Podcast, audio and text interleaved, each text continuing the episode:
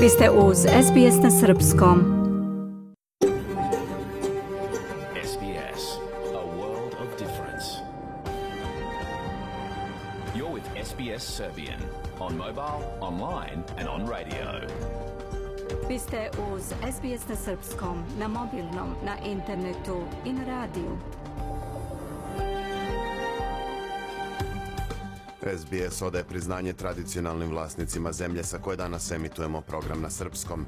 Ovim izražavamo poštovanje prema narodu Kemrigal, pripadnicima nacije Guringaj i njihovim prošlim i sadašnjim starešinama. Takođe odajemo priznanje tradicionalnim vlasnicima zemlje i svih aboriđinskih naroda i naroda ostrava Toresovog Moreuza, na čijoj zemlji slušate naš program. Dobar dan. Danas je ponedeljak 25. april 2022. Ja sam Branko Cvetojević. U današnjem programu na srpskom slušat ćete. Zbog obeležavanja Dana Anzaka privremeno je obustavljena predizborna kampanja, ali 21. maj je sve bliže i političke teme ne izostaju ni ovog dana. SBS radio danas počinje predstavljanje vodećih australijskih stranaka.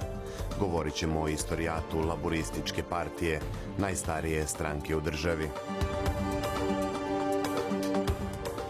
Povodom dana Anzaka donosimo dirljivu priču o dvojici vojnika koji su se borili na suprotnim stranama u Prvom svetskom ratu. Govore njihovi potomci. Iz Srbije izdvajamo aktuelnu temu. Po prvi put većina građana Srbije je protiv priključenja Evropskoj uniji. Saznaćete i zbog čega ako ostanete sa nama narednih sat vremena. Sledi pregled vesti.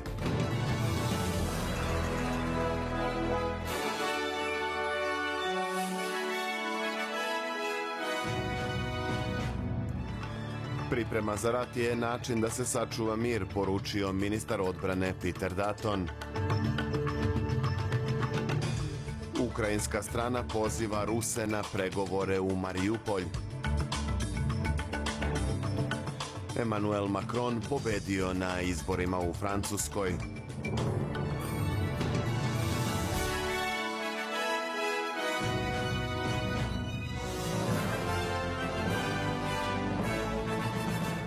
Pravoslavni vernici proslavili su juče Vaskrs, najveći hrišćanski praznik po julijanskom kalendaru. Poglavar Srpske pravoslavne crkve Patrijarh Porfirije služio je prvu vaskršnju liturgiju u ponoć u hramu Svetog Save. Patrijarh je u svojoj poslanici istakao da se moli gospodu da se što pre i bezuslovno uspostavi mir u Ukrajini, da prestane stradanje i da se svi izbegli vrate u svoje domove. Patrijarh Porfirije je tokom vaskršnje liturgije u ime SPC poželeo mir, ljubav i život. Jednom rečju, poslednju reč, nemaju demonske sile i, njeni, i njihovi porodi, nego poslednju reč, braćo i sestre, ima Bog. A to znači da poslednju reč, danas to znamo, nema smrt, nego život. Slavimo Pasku gospodnju, a to znači i Pasku našu. Vaskrsenje Hristovo iz mrtvih i u njemu vaskrsenje naše. Želim vam svima svetlosti, radosti, istine, pravde, zajednice, mira, ljubavi, života. Vama, to je svima nama koji smo ovde sabrani, svim našim srodnicima, našoj braći i sestrama gde god da se nalaze, ali i čitavom svetu, svim ljudima objavljujemo danas, želeći sve to isto. Hristos Vaskrse! Patrijarh Porfir je proveo Vaskrs na ručku sa beskućnicima u crkvenoj narodnoj kuhinji u Beogradu i tom prilikom poželeo je svima da poslednju reč u njihovim životima imaju ljubav, istina, sloboda i pravda. Širom Australije danas se obeležava Dan Anzaka. Posle dve godine pod pandemijskim merama, ovo je prvi put od 2019. da se u većini gradova komemorativne svečanosti održavaju bez ograničenja. Zvanično i predizborna kampanja je danas privremeno prekinuta zbog dana Anzaka, a premijer Scott Morrison i zamenik lidera opozicije Richard Marles prisustovali su ceremoniji u Darwinu.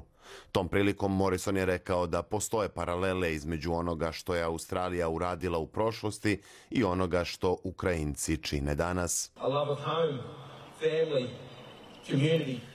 Ljubav prema domu, porodici, zajednici i zemlji i spremnost da živimo za sve to, ali ako je potrebno i da se žrtvujemo za nešto mnogo veće od nas samih, Danas upravo to radi narod Ukrajine i ovog dana dok odajemo počast onima koji su se borili za našu slobodu, mi stojimo uz narod Ukrajine koji čini istu stvar u ovom trenutku, kazao je Morrison. Danas je povodom Dana Anzaka Udruženje vojnih veterana uputilo otvoreno pismo parlamentu Australije. U pismu se zahteva da Savezna vlada izvrši reformu važećeg sistema upućivanja australijske vojske u ratne sukobe u inostranstvu. U pozivu se zahteva da od sada svaki takav predlog bude najpre na raspravi u parlamentu, a da zatim za njega glasaju svi poslanici. Odluku da vojska naše zemlje ide u rat ne bi trebalo da bude donošena od strane jedne osobe, poručuje član Udruženja vojnih veterana Cameron Leki. Ministar odbrane Australije Peter Dutton kaže da je priprema za rat jedini način da se sačuva mir. Daton je upozorio da je rat u Ukrajini podsjetnik i na stalnu pretnju Kine koja povećava svoj uticaj na Pacifiku. Na ove reči Datona odgovorio je zamenik lidera laburista Richard Marles posle komemorativne službe povodom Dana Anzaka. Um, Svakako da treba da se pripremimo, ali pod ovom vladom nismo videli bilo kakvu pripremu. Reči su jedno, a dela drugo. Ova vlada je se samo udara u prsa, ali kada nešto zaista treba da uradi, u više navrata je pokazala da nije uspela u tome. Američki državni sekretar Anthony Blinken i ministar odbrane Lloyd Austin sastali su se u Kijevu sa ukrajinskim predsjednikom Vladimirom Zelenskim. Reč je o posjeti najviše američke delegacije Ukrajine od kada je pre dva meseca Rusija napala tu zemlju. Port parol Zelenskog Aleksej Arestović kaže da je Ukrajina pozvala Rusiju da održi pregovore u opkoljenom gradu Mariupolju i to odmah pored čeličane Azovstal u kojoj se nalaze posljednji preostali ukrajinski branioci. Istovremeno Ukrajina traži od zapadnih zemalja moćnije oružje za borbu protiv ruske kampanje u Donbasu i na jugu zemlje. Pozvali smo Ruse da održe specijalnu rundu razgovora na licu mesta odmah pored zidina Azovstala. Pozvali smo naše ruske kolege da pregovaraju o momentalnom uskršnjem prekidu vatre, obezbeđivanju humanitarnih koridora i oslobađanju ili razmeni naših trupa za sve ratne zarobljenike Ruske federacije. Čekamo odgovor Rusije i podsjećamo ih da im se neće dopasti posljedice tamo u Kremlju ako to ne učine. Izraelski ministar spoljnih poslova Jair Lapid optužuje Hamas da je organizovao nasilne nemire na svetom mestu u Jerusalimu. Poslednjih dana došlo je do sukoba između palestinaca i izraelske policije na mestu gde se nalazi džamija Al-Aqsa. Izraelska policija je optužena za grubu taktiku u ovim sukobima, ali Lapid tvrdi da je Hamas oteo sveto mesto i da ohrabruje mlade palestince da bacaju kamenje i zapaljive naprave na izraelske snage. Oni su to uradili da naprave provokaciju, da nateraju izraelsku policiju da uđe u džamiju i da ih izvede. Žrtvovali su sobstvenu veru za video na internetu, kazao je Lapid i istakao da je jedina dva puta izraelska policija ušla u džamiju kako bi izvela napadače jer su desetine hiljada muslimanskih vernika u tom trenutku počele da dolaze na sveto mesto. Emmanuel Macron je pobedio u drugom krugu predsjedničkih izbora u Francuskoj.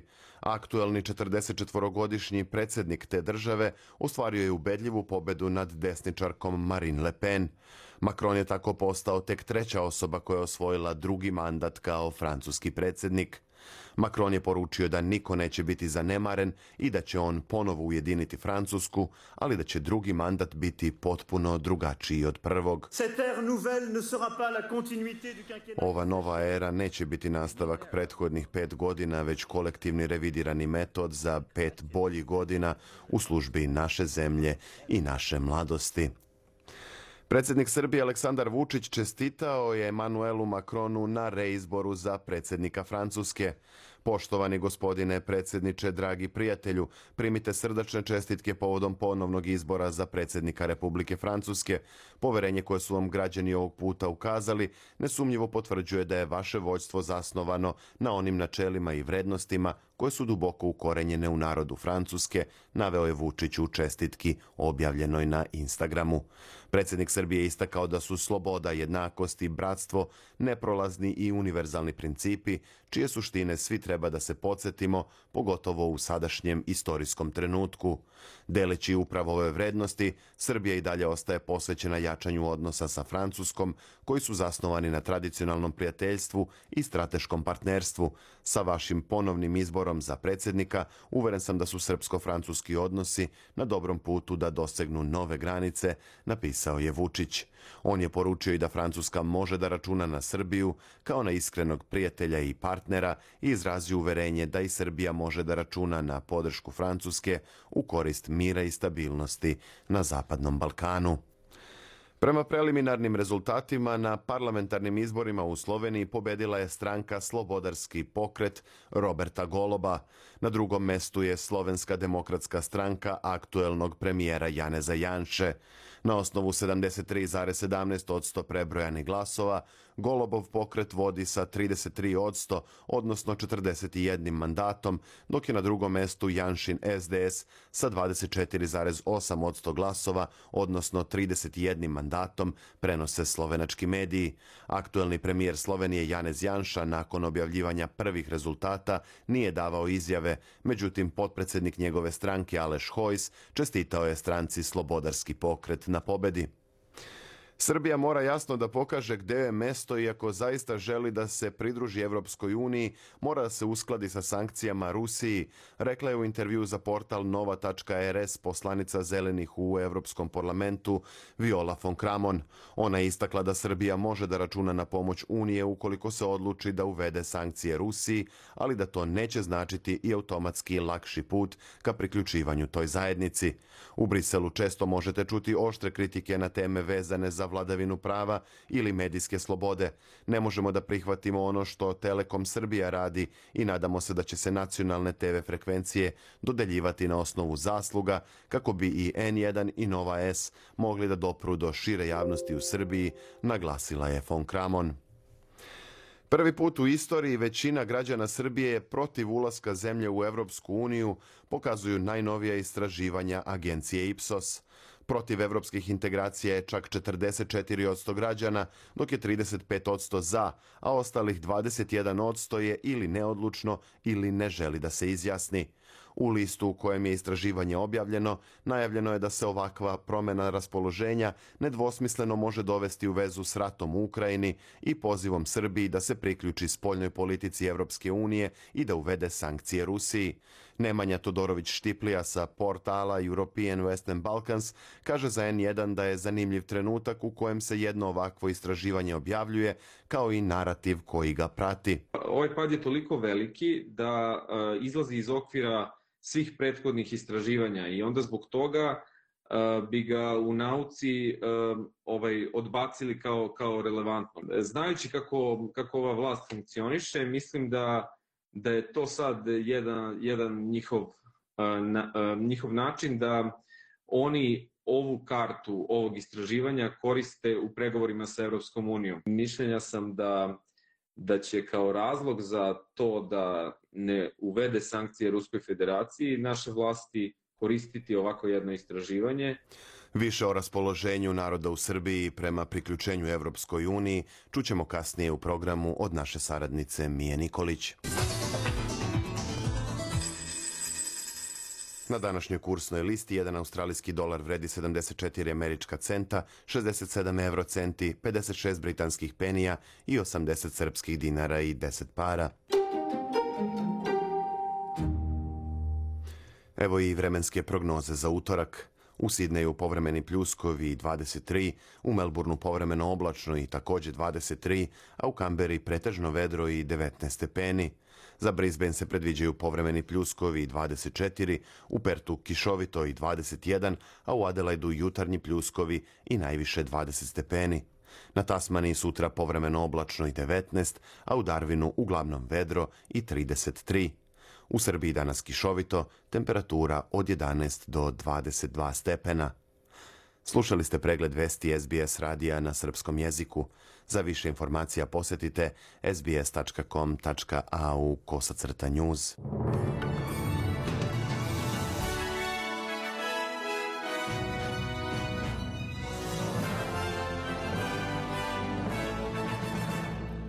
Posle pregleda vesti dana slede najznačajnije informacije iz sveta sporta.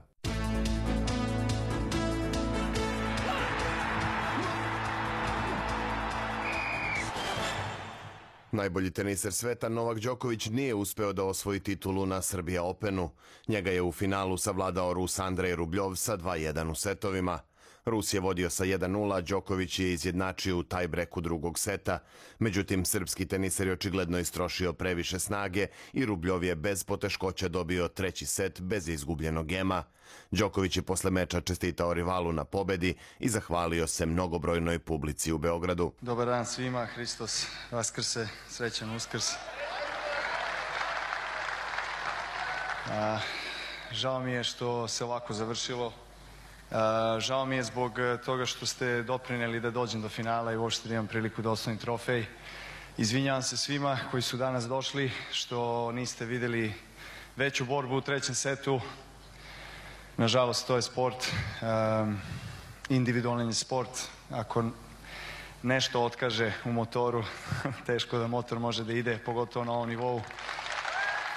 Posle dodale trofeja, Đoković je uručio priznanja svojim dugogodišnjim saradnicima koji su imali nemerljiv doprinos za njegovu uspešnu karijeru. Beogradska publika je pozdravila trenera Marjana Vajdu, kondicionog trenera Gebharda Griča i Novakovog fizioterapeuta i kuma Miljana Amanovića. Najveći aplauz dobio je legendarni teniser i trener Nikola Pilić, 83-godišnji stručnjak kojeg je Đoković predstavio kao svog teniskog oca. Pilić u emotivnom trenutku nije mogao da zadrži suze, a zatim se osvrnuo na reči Rubljova da je Đoković jedan od najvećih tenisera svih vremena. Jedna mala korekcija. He is not one of the best all the time. He is the best all the time. U konkurenciji Federera, Nadala, Mareja i društvom 366 sedmica da budeš broj jedan. To je više od sedam godina. Po mom skrom, skromnom ubjeđenju možda će trebati tisuću godina da se taj rekord obori. Đoković iz Beograda putuje za Madrid gde 1. maja počinje naredni Masters turnir. Ženska rukometna reprezentacija Srbije plasirala se na prvenstvo Evrope pošto je savladala selekciju Islanda od 28-22. Srpske rukometašice imale su veliku podršku publike u Zrenjaninu i zabeležile su zasluženu pobedu. Pored Srbije iz grupe 6 plasirala se i Švedska. Evropsko prvenstvo igra se u novembru ove godine u Sloveniji, Severnoj Makedoniji i Crnoj Gori. Vozač Red Bulla Max Verstappen pobedio je u trci za veliku nagradu Emilija Romanje u Formuli 1. Aktuelni prvak sveta zabeležio je 22. pobedu u karijeri, a drugo mesto zauzeo njegov klubski kolega Sergio Perez. Treći je bio Lando Norris u McLarenu. Australijski vozač Daniel Ricardo zauzeo je poslednje 18. mesto. Naredna trka Formule 1 vozi se 8. maja u Majamiju. Futbaleri Melbourne City odigrali su nerešeno sa Jeonam Dragonsima u četvrtom kolu Azijske lige šampiona 1-1. City je drugi u grupi G sa 8 bodova, dva manje od vodećeg Patum Uniteda. Večeras u okviru Lige šampiona Sidne igra protiv japanske Yokohame. Za to vreme odigrana su još tri meča A lige. Wellington Phoenix je sa 1-0 savladao Wandererse, Newcastle je kod kuće poraženo Central Coasta sa 2-4, dok je Adelaide United slavio protiv Perth Gloria 2 prema 0. U engleskoj premijer ligi nastavlja se izjednačena trka Liverpoola i Manchester Citya. Liverpool je sinoć u gradskom derbiju savladao Everton sa 2-0, dok je Manchester City bio ubedljiv protiv Watforda 5-1. City na pet kola pre kraja ima bod više od Liverpoola a futbaleri Real Madrida na pragu su osvajanja još jedne šampionske titule u Španiji. Kraljevski klub je u 33. kolu pobedio Osasunu sa 3-1 i stekao 15 bodova prednosti u odnosu na Barcelonu i Atletico. Realu je u preostalih pet mečeva potreban još samo jedan bod da bi osvojio 35. titulu prvaka države. Za to vreme u Italiji se nastavlja neizvesna trka Milana i Intera za Scudetto. Futbaleri Milana pobedili su Lazio sa 2-1, dok je Inter savladao Romu 3 prema 1. Milan vodi sa dva boda prednosti, ali Inter ima utakmicu manje od gradskog rivala. SBS ogledalo aktualnih zbivanja u sportu. Slušate SBS radio program na srpskom jeziku. Zbog dana Anzaka danas su barem zvanično obustavljene aktivnosti stranaka u predizbornoj kampanji. Savezni premijer Scott Morrison i zamenik lidera opozicije Richard Marles zajedno su prisustvovali jutarnjoj službi i komemorativnoj ceremoniji u Darwinu, gde ipak nisu propustili da se dotaknu i nekih značajnih izbornih tema. Inače, Marles trenutno menja lidera laburista Antonija Albanezea, koji se od prošlog četvrtka nalazi u kućnoj izolaciji pošto je bio pozitivan na virus korona. A od danas ćete na SBS radiju u programu na srpskom jeziku moći da čujete predstavljanje vodećih političkih partija. Krenut ćemo od najstarije. Australijska laboristička partija je ne samo najstarija stranka u Australiji, već i jedna od prvih radničkih partija osnovanih bilo gde u svetu. Ova stranka je izrasla iz sindikalnog pokreta još pre stvaranja Federacije australijskih država i teritorija. Imala je svoje predstavnike na državnim izborima od 1891. a kasnije, posle osnivanja Commonwealtha, ALP je od 1901. godine učestvovala na svim saveznim izborima. U narednim minutima osvrnut ćemo se na istorijski kontekst u kojem je ova partija nastala. Suočeni sa ekonomskom depresijom 1890-ih, radnici u Queenslandu odlučili su da im je potrebna politička partija koja bi ih predstavljala. Do 1899. partija je formirala svoju prvu vladu u Queenslandu i osvojila mesta u prvom nacionalnom parlamentu nakon federacije 1901.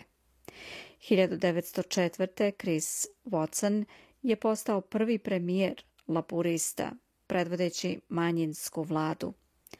Na izborima 1910. stranka je postala prva koja je osvojila većinu u oba doma Saveznog parlamenta. Gough Whitlam je možda najpoznatiji laboristički premijer, koga pristalice poštuju zbog njegove reformske politike ali je ostao upamćen kao kontroverzna ličnost time što ga je dužnosti razrešio tadašnji generalni guverner Sir John Key. Bitlama je 11. novembra 1975. generalni guverner razrešio dužnosti premijera nakon što je opozicija, predvođena liderom liberala Malcolmom Fraserom, konstantno blokirala izglasavanje budžetskog zakona u Senatu – Sir John Kerr je postavio gospodina Frasera za privremenog premijera, a laboristička partija Goffa Whitlama na izborima koji su usledili pretrpela je ogroman gubitak. Well may we say God save the Queen. Because nothing will save the Governor General. Goff Whitlam ostao je poznat po čuvenoj rečenici Bog će možda spasti kraljicu, ali ništa neće spasti generalnog guvernera. Dalje kroz istoriju bivši šef Australijskog saveta sindikata Bob Hawke je premijer laburista koji se najduže održao na vlasti od 1983. do 1991. Hawke je bio prihvaćen kao Larikin, koji sa običnim svetom u pubovima pije pivo, a sa kojim su se svi Australijanci mogli poistovetiti. Gospodin Hawke je predvodio vladu koja je uvela reforme za deregulaciju australijske ekonomije, uključujući uvođenje takozvanog plutajućeg dolara i također je vlada u periodu recesije u kojoj je nezaposlenost u Australiji dostigla najviši nivo od velike depresije. Ali možda ga javnost još i najviše pamti po reakciji na pobedu australijske ekipe u trci jahti za Kup Amerike. Svaki šef koji otpusti nekoga zato što se danas nije pojavio na poslu je propalica. Neka rade malo više sljedećeg dana da bi se iskupili. Ovo je dan za sve Australijance, zar ne? Sve nas je okupio. Čudesno, apsolutno divno, rekao je tada Bob Hawke. Gospodin Hawke izgubio je lidersku i premijersku poziciju u vrlo gorkim okolnostima, pošto je na partijskom sastanku izazvan od strane svog blagajnika Paula Kittinga, koji je tvrdio da mu je obećana najviša funkcija u međusobnom dogovoru dve godine ranije. Takva vrsta rivalstva u laborističkim krugovima se vratila ubrzo nakon što je Kevin Rudd došao na vlast, osvojivši zdravu većinu 2007 u kampanji pod nazivom Kevin 007. Ta njegova pobjeda je ostavila liberalnog prethodnika, liberala Johna Harda, drugog premijera Australije po dužini mandata, bez najvišeg položaja i bez liderskog mesta. Gospodin Rad je brzo krenuo u proces upućivanja nacionalnog izvinjenja generacijama starosedelačke dece koja su prema vladinoj politici nasilno uklonjena iz svojih porodica, što je u istorijskim analima poznato kao ukradena generacija. We apologize, especially for the removal of Aboriginal and Torres Strait Islander children from their families. Izvinjavamo se posebno zbog uklanjanja dece aboriđina i stanovnika ostrava iz Toresovog Moreuza, iz njihovih porodica, njihovih zajednica i sa njihove zemlje, za bol patnju i bol ovih ukradenih generacija, njihovih potomaka i njihovih porodica. Mi kažemo izvinite, rekao je Kevin Rudd tada ali takozvane radove godine su također bile poznate po oštrim izazovima liderstva. Kevin Rudd je podneo ostavku na mesto lidera laborističke partije i premijera u junu 2010. nakon što je njegova zamjenica Julia Gillard nagovestila da će ga izazvati na sastanku kokusa. Gospođa Gillard je preuzela tu poziciju i njen uspon na najviši položaj Učinio ju je prvom ženom premijerkom Australije nakon što je bila i prva žena zamjenica premijera Australije. Dok je bila premijerka, gospođa Gillard se suočavala sa stalnom opozicijom gospodina Rada i njegovih pristalica unutar stranke, dok se također suočavala sa liderom liberala, Tonijem Abotom. Također je ostala poznata po rečenici koju mu je uputila tokom parlamentarne rasprave i koja i dan danas prati i nju i njega u javnom domenu. I rise to oppose the motion moved by the leader of the opposition And in so doing, I say to the Leader of the Opposition, I will not be lectured about sexism and misogyny by this man. I will not. Uzimam reč kako bi se suprostavila predlogu koji je pokrenuo lider opozicije i na taj način kažem lideru opozicije neće mi ovaj čovjek držati predavanja o seksizmu i mizoginiji. Neće i vlada neće dozvoliti da joj ovaj čovek drži predavanja o seksizmu i mizoginiji, ne sada niti ikad, rekla je tada Julia Gillard. Kevin Rudd je bezuspešno pokušavao da sruši sa vlasti Julia Gillard u februaru 2012. Zatim je usledio dug period napetosti u rukovodstvu partije i onda je Gillard raspisala ponovno glasanje u martu 2013. Dobila je podršku za ostanak na vlasti. Ipak rad je uspeo u sljedećem izazovu u junu iste godine, povrativši vođstvo u stranci i premijersko mesto, što je dovelo do poraza partije na izborima u septembru. Čovek koji je igrao ključne uloge u borbama za liderstvo u tom periodu bivši sindikalni vođa Viktorije Bill Shorten. Prebacio je podršku sa Kevina Rada na Juliju Gillard, što joj je pomoglo da dobije lidersku poziciju, ali je kasnije svoju podršku prebacio nazad na Rada u njegovom izazovu za liderstvo pre izbora 2013. Da je Shorten preuzeo vođstvo nakon gubitka laburista na tim izborima. Ali Shortenovo vreme kao lidera Australijske laburističke partije je naglo prekinuto – nakon njegovog poraza na izborima 2019. na kojima je liberalna partija pod vođstvom Scotta Morrisona odnela pobedu na izborima i gospodin Shorten se povukao sa liderske pozicije u laborističkoj stranci. Ovo je bila teška kampanja, ponekad toksična, ali sada kada je završena svi imamo odgovornost da poštujemo rezultat, poštujemo želju australijskog naroda i da okupimo našu naciju. Međutim, taj zadatak će biti pred sledećim liderom laborističke partije, jer iako nameravam da nastavim da služim kao član za sedište Maribinong, neću biti kandidat na sledećem glasanju za lidera laborista, rekao je Shorten. Smatralo se da je to najneverovatnija i najneočekivanija pobeda na opštim izborima u modernoj istoriji Australije. Dve godine pre izbora rezultati anketa konstantno su pokazivali da će koalicija biti poražena od laburista. Dr. Peter Chen je viši predavač na katedri za međunarodne odnose na Univerzitetu u Sidneju.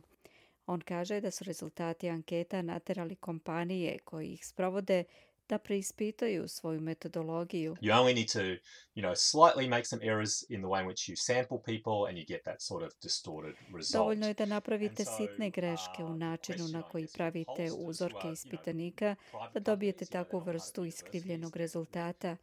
Pitanje za anketare koji su deo privatnih kompanija, a ne deo univerziteta je da li su izvukli pouke iz prošlih izbora i da li su prilagodili svoju tehniku ispitivanja uzorka javnosti. Dan nakon izbora, Anthony Albanese je objavio svoju kandidaturu da predvodi partiju na sledećim izborima. Bez jednog glasa protiv postao je lider stranke 30. maja 2019. Uoči ovogodišnjih izbora, dr. Chen kaže da će gospodin Albanese i laboristička partija pokušati da se repozicioniraju ne samo kao opozicija, već i kao potencijalna vlada u klimi napetosti na nacionalnom i na globalnom nivou. Ponekad kad je situacija pomalo neizvesna, kao što je sad slučaj sa covidom i ratom u Evropi i sa međunarodnom trgovinom i tenzijama sa Kinom i sličnim stvarima, ljudi su skloni da precene rizik, pa će to dovesti do konzervativnijeg stava glasača. I zato Laboristička partija treba da dokaže da nije rizična odluka da se promeni vlada u ovom trenutku. I naravno, postoji dva ključna pitanja o kojima treba da govore tokom kampanje. Nacionalna bezbednost i ekonomski menadžment.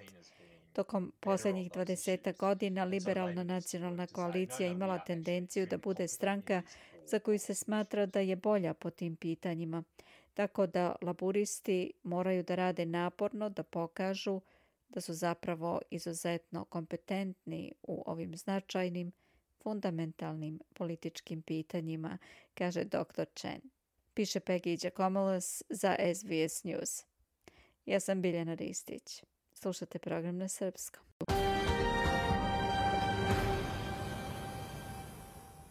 Slušate SBS na srpskom.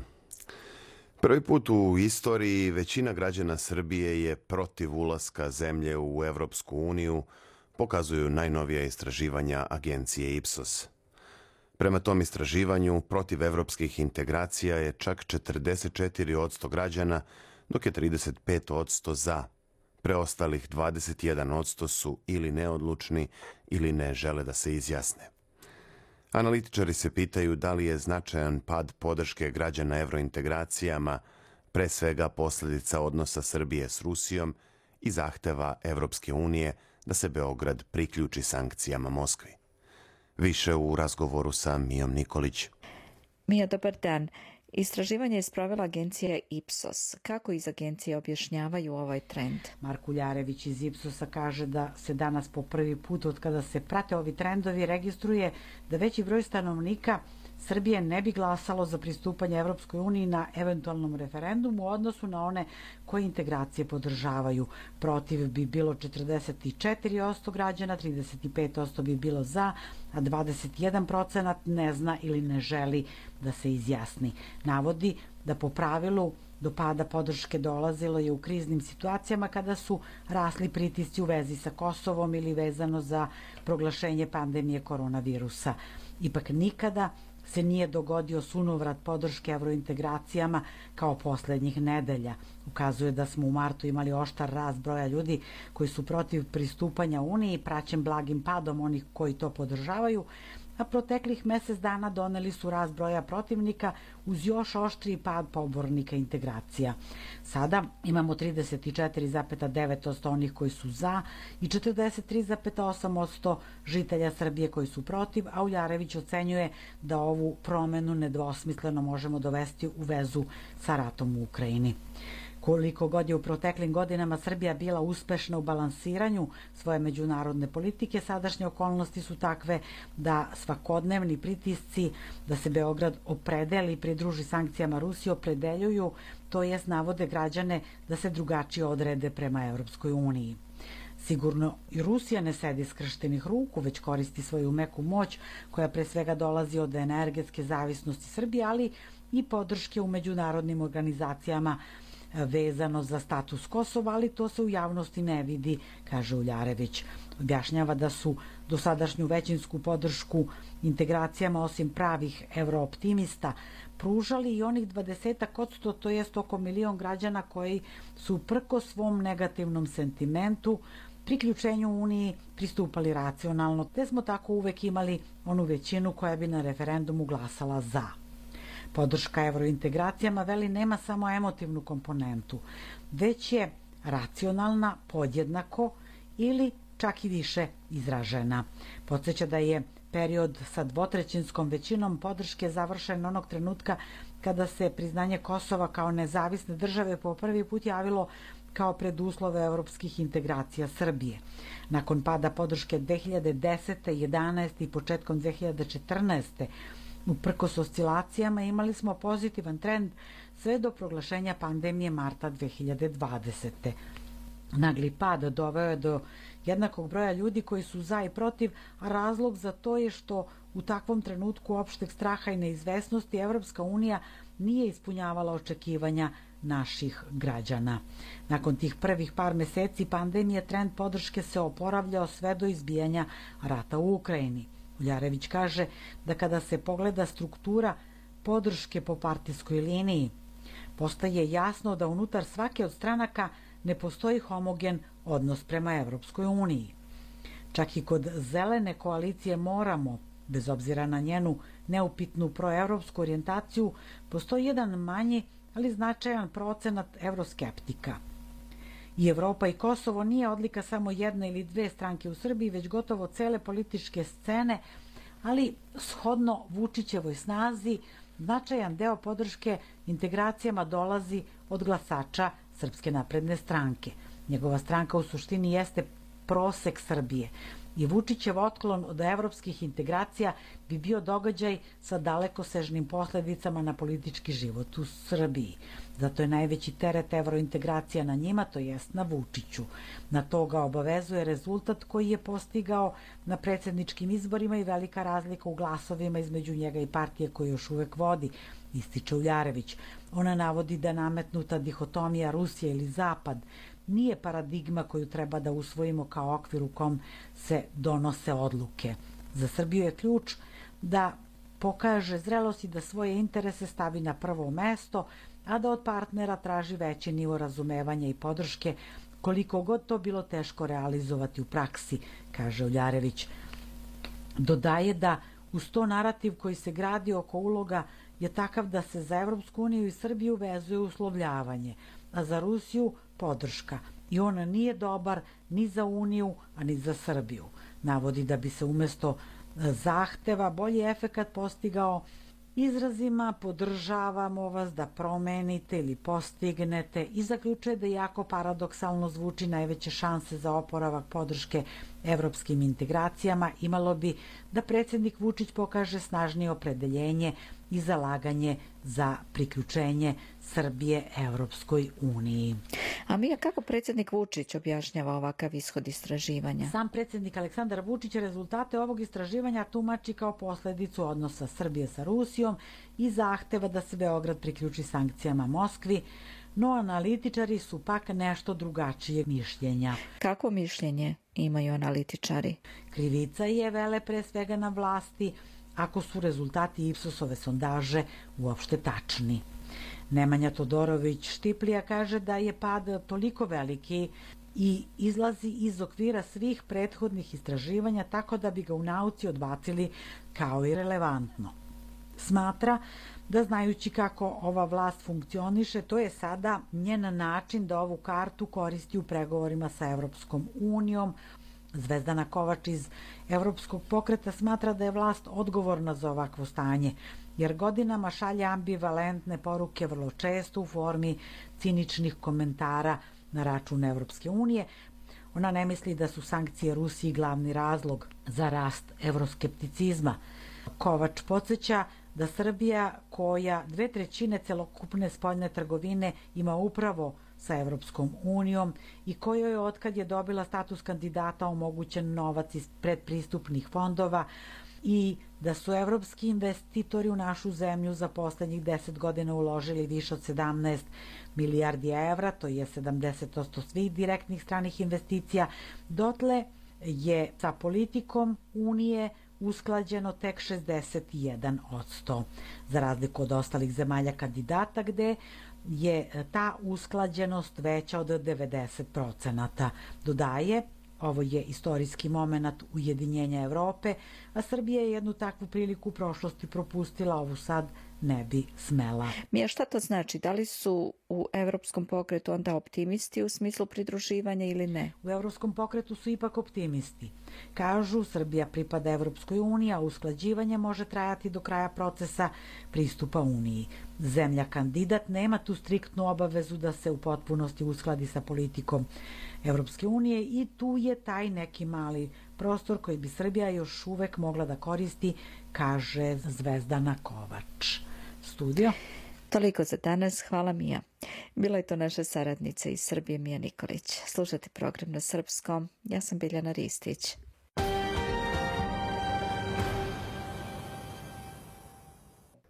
Slušate SBS radio, program na srpskom jeziku. Nizom komemorativnih svečanosti danas je obeležen Dan Anzaka, 107. godišnjica od iskrcavanja australijskih i novozelandskih trupa na Galipolju 25. aprila 1915. godine. Pored tradicionalnih službi u Zoru i svečanih marševa vojske, ratnih veterana i njihovih potomaka, sastavni deo dešavanja povodom Dana Anzaka je i umetnička nagrada Galipolje, koja se dodeljuje od 2006. godine.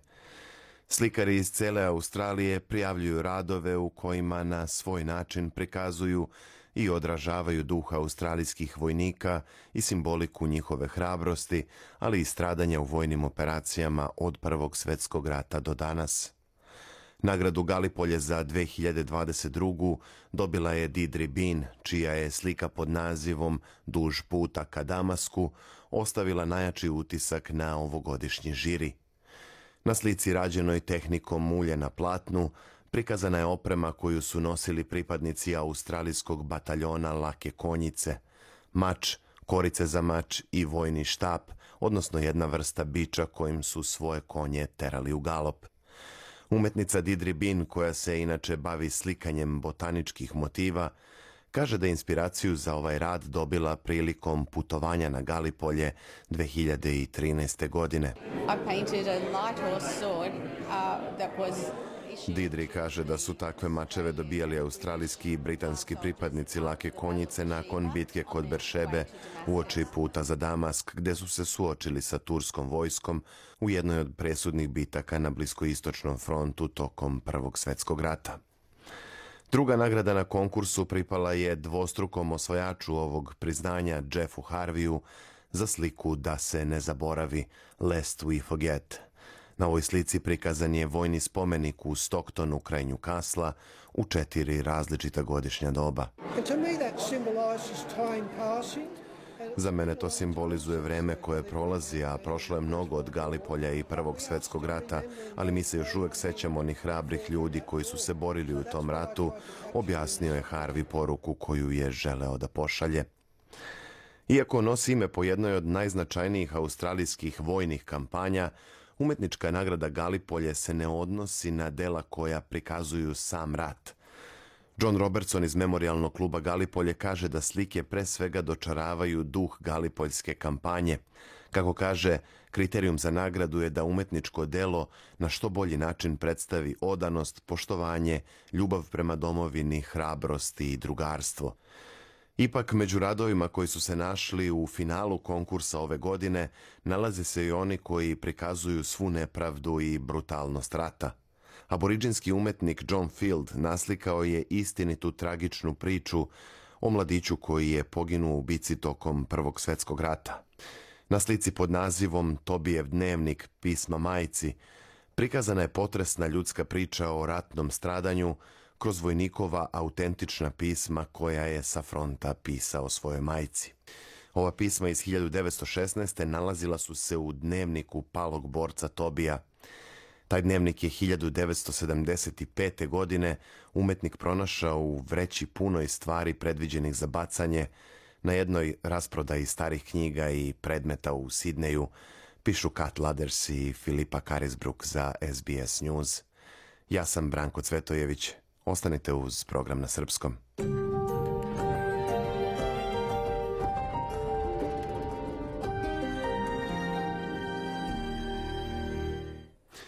I dalje govorimo o danu Anzaka. Sledi dirljiva priča o dvojci vojnika koji su se borili na suprotnim stranama na Galipolju. Galipolje, 25. april 1915. Rano je jutro. Prve Anzak trupe iskrcale su se pre nekoliko sati, a žrtve su već velike. Kapetan australijske vojske Charles Lear i njegovi vojnici upravo se iskrcavaju u zalivu, Suočen sa napredovanjem Australijanaca, turski kapetan Halis Beg premešta svoje vojnike u poziciju u blizini Lone Pine-a. Do kraja dana kapetan Charles Lear poginuo je u bici protiv otomanske vojske, a turski kapetan Halis Beg je preživeo, ali sa tri prostrelne rane. Novinar SBS-a Ismail Kajhan pokušao je da uđe u trag porodicama dvojice vojnika – koji su se borili jedan protiv drugog tog prvog dana Anzaka. Pronašao je njihove potomke u Australiji i Turskoj. Poslušajte šta su mu rekli. We started to climb Počeli smo da se penjemo. Kad smo bili blizu vrha Mortar Ridge, videli smo u blizini ljude plave kose koji su nam se približavali u tišini i brzo. Ovako je u svom dnevniku zapisao događaj tog dana 20-godišnji Mucip Kemal Jeri, poručnik u otomanskoj vojsci. Preuzevši komandu, pošto je kapetan Halis Bey ranjen, Mucip Kemal Jer dobio je naređenje da se popne uz kamenitu strminu iznad Anzak zaliva, strminu koju su australijanci nazivali Mortar Ridge. There were lots of them. They were endless. Bilo ih je mnogo, nije se video kraj. Širom sam otvorio oči. Australijanci su također želeli da zauzmu Mortar Ridge. Vojnici pod komandom kapetana Charlesa Lira i vojnici pod komandom kapetana Halisa Beja sad su bili u borbi. Penzionisani brigadir i autor, pisac Chris Roberts kaže da je borba za Mortar Ridge bila žestoka. Lear's company advanced over Pluggy's Plateau. Lirovi vojnici napredovali su preko platoa Plagi, onda preko Monaš doline. Napredovali su dok nisu došli do mesta gde se dolina račvala u podnožje, Pops Hill. I kako su se penjali uz Mortar Ridge i stigli skoro do vrha, bili su suočeni sa turskim vojnicima i razmjena vatre je dostigla erupciju. Ti turski vojnici su bili deo trećeg bataljona 27. puka pod komandom kapetana Halisa. Pre nego što su i došli do vrha Mortar Ridge, Charles Lear je već izgubio dosta vojnika. U svojim memoarima 26-godišnji poručnik Robert Covey iz Wollongonga zapisao je kako je malo vojnika ostalo u životu. Captain Lear brought up the men who extended our line towards baby 700. Kapetan Lear rasporedio je vojnike koji su popunili naše linije prema tački Baby 700. Pitao sam ga da drži zaleđinu dok je deveti vod jurišao da uzme od Turaka Mortar Ridge, ali zahtev je odbijen. Na turskoj strani vojnici kapetana Halisa zauzeli su odbrambenu poziciju na Mortar Ridge pod komandom Mucipa Kemal Jerija. There were two companies closest. I was very excited. My heart was pumping. Dve strane su bile blizu. Bio sam veoma uzbuđen. Moje srce je tuklo. U tom momentu moj trubač nije mogao da izdrži to uzbuđenje i odjednom je osao paljbu po njima. Zgrabio sam njegovu pušku da ga zaustavim. Tim postupkom sam spasao osobu koja je mogla vrlo lako da pogine, ali ja sam imao mnogo brutalnije iznenađenje za njih. Poručnik Cowie dodaje australijsku perspektivu događaja. The Turks finally occupied Mortar Ridge and commenced a deadly fire upon us. From there as well, from the east of Baby Turci su konačno okupirali Mortar Ridge i komandovali smrtonosnu vatru prema nama i iz tog pravca i iz pravca istočno od Baby 700. Mnogi naši vojnici su poginuli, ranjeni takođe, a neki su počeli da se povlače iz pravca Baby 700. Kapetan Lear naredio je vraćanje na liniju, ali su se mnogi povukli. The battle was tense and started to affect our side. As the time passed, Bitka je bila napeta i počela je da narušava našu stranu. Kako je vreme prolazilo, sve nas je više užasa sustizalo. Bataljonski komandir, kapetan Halis Bey, stigao je sa usaka, piše Mucip. At the end of an hour's fighting, Captain Lear was shot through the neck and chest and died almost immediately. While in command, Na kraju jednočasovne borbe, kapetan Lear je upucan kroz vrat i grudi i izdahnuo je skoro istog momenta, dok je komandovao skoro da nije ni razmišljao o svojoj bezbednosti i pokazao je neverovatnu hladnokrvnost. On je bio dobar primjer vojnicima, piše Cowie. Pošto je osigurao prednost, Halis Bey je naredio Mucipu Kemal Jeriju da ne odstupa ni milimetra, obećavši da će poslati pojačanje što je brže moguće. Mucip Kemal Jeri tražio je još municije i čekao. There was no sign of reinforcements, but the enemy was moving. Our infantry fire didn't kill Nije bilo pojačanja na vidiku, ali neprijatelj je bio u pokretu. Nismo mogli da čujemo vatru iz našeg oružja više. Mogao sam da vidim u njihovim očima da braneći našu poziciju ne idemo nigde, nego u katastrofu. Šta da uradim? Nije bilo odluke koju sam mogao da donesem, a onda se desilo čudo.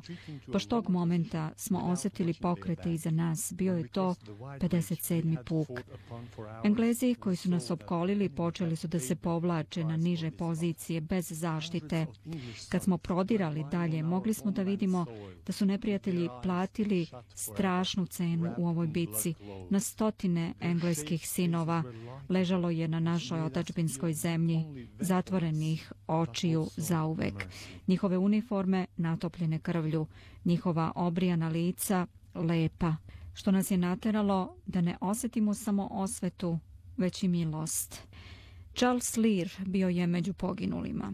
Halis Bey napustio front sa previjenim ranama koje je zadobio u bici. Zadržao se na Galipolju sve dok Anzakovci nisu evakuisani, a posle je postao pukovnik i komandant 27. puka. Penzionisao se 1925. posle Turskog rata za nezavisnost. Zatim je postao civilni inženjer i ostao zapamćen po gradnji prvog turskog cementnog puta. Halis Bey je govorio četiri jezika, voleo da piše, slika i crta mape. Preveo je Parijsku komunu na turski jezik i radio na prevođenju Herodotusa kad je umro od upale pluća 1933. Njegov unuk u Turskoj je Serdar Ataksor. Želite da čujete još priča poput ove? Slušajte nas na Apple Podcast, Google Podcast, Spotify ili odakle god slušate podcast. Susjedstvo zadirkivale njegovu majku da će on postati nevernik. Tokom godina porodica je objavila njegove spise, napravila izložbu njegovog nasljeđa i izgradila memorialnu biblioteku posvećenu njegovim sećanjima na Galipolje. Filip Perom kaže da je njegov deda, Charles Lear, ostao zapamćen u mnogim zajednicama u kojima je radio kao učitelj i kao vojnik. Memorijali u školama Watson's Bay, Croydon, Vuklos Williamstown zajedno sa zadivljujućom hrabrošću vodnika Dargena i vojnika Obrija Farmera predstavljaju testament njegovog liderstva, mentorstva, sposobnosti za podučavanje i lojalnost i poštovanje. Nadam se da su njegov karakter, neustrašivost i junaštvo bar u nekom delu nasledila moja deca i da će ih naslediti njihova. Unuk kapetana Halisa Serdar Ataksor kaže da bi voleo da upozna potomke kapetana Lira. I think I would feel he's part of myself. It would be Mislim da bih osjećao da je on deo mene. To bi za mene bilo vrlo emotivno. Voleo bih da potomci kapetana Lira dođu ovde i da njegov grob zajedno posetimo i da ga se setimo.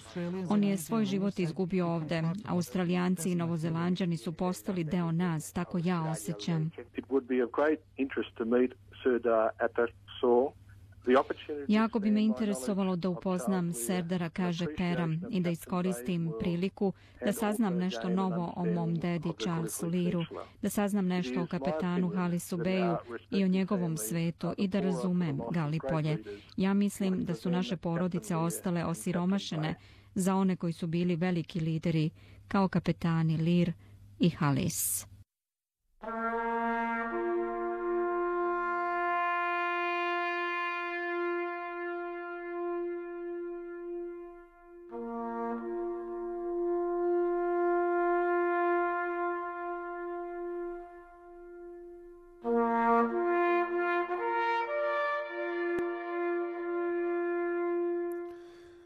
U zvuk poslednje pošte iz vojničkih truba završavamo današnju emisiju. Sljedeća emisija na srpskom je sutra, utorak 26. aprila od 15 časova. Ovog popodneva sa vama Branko Cvetojević. Želim vam prijatan dan i do slušanja.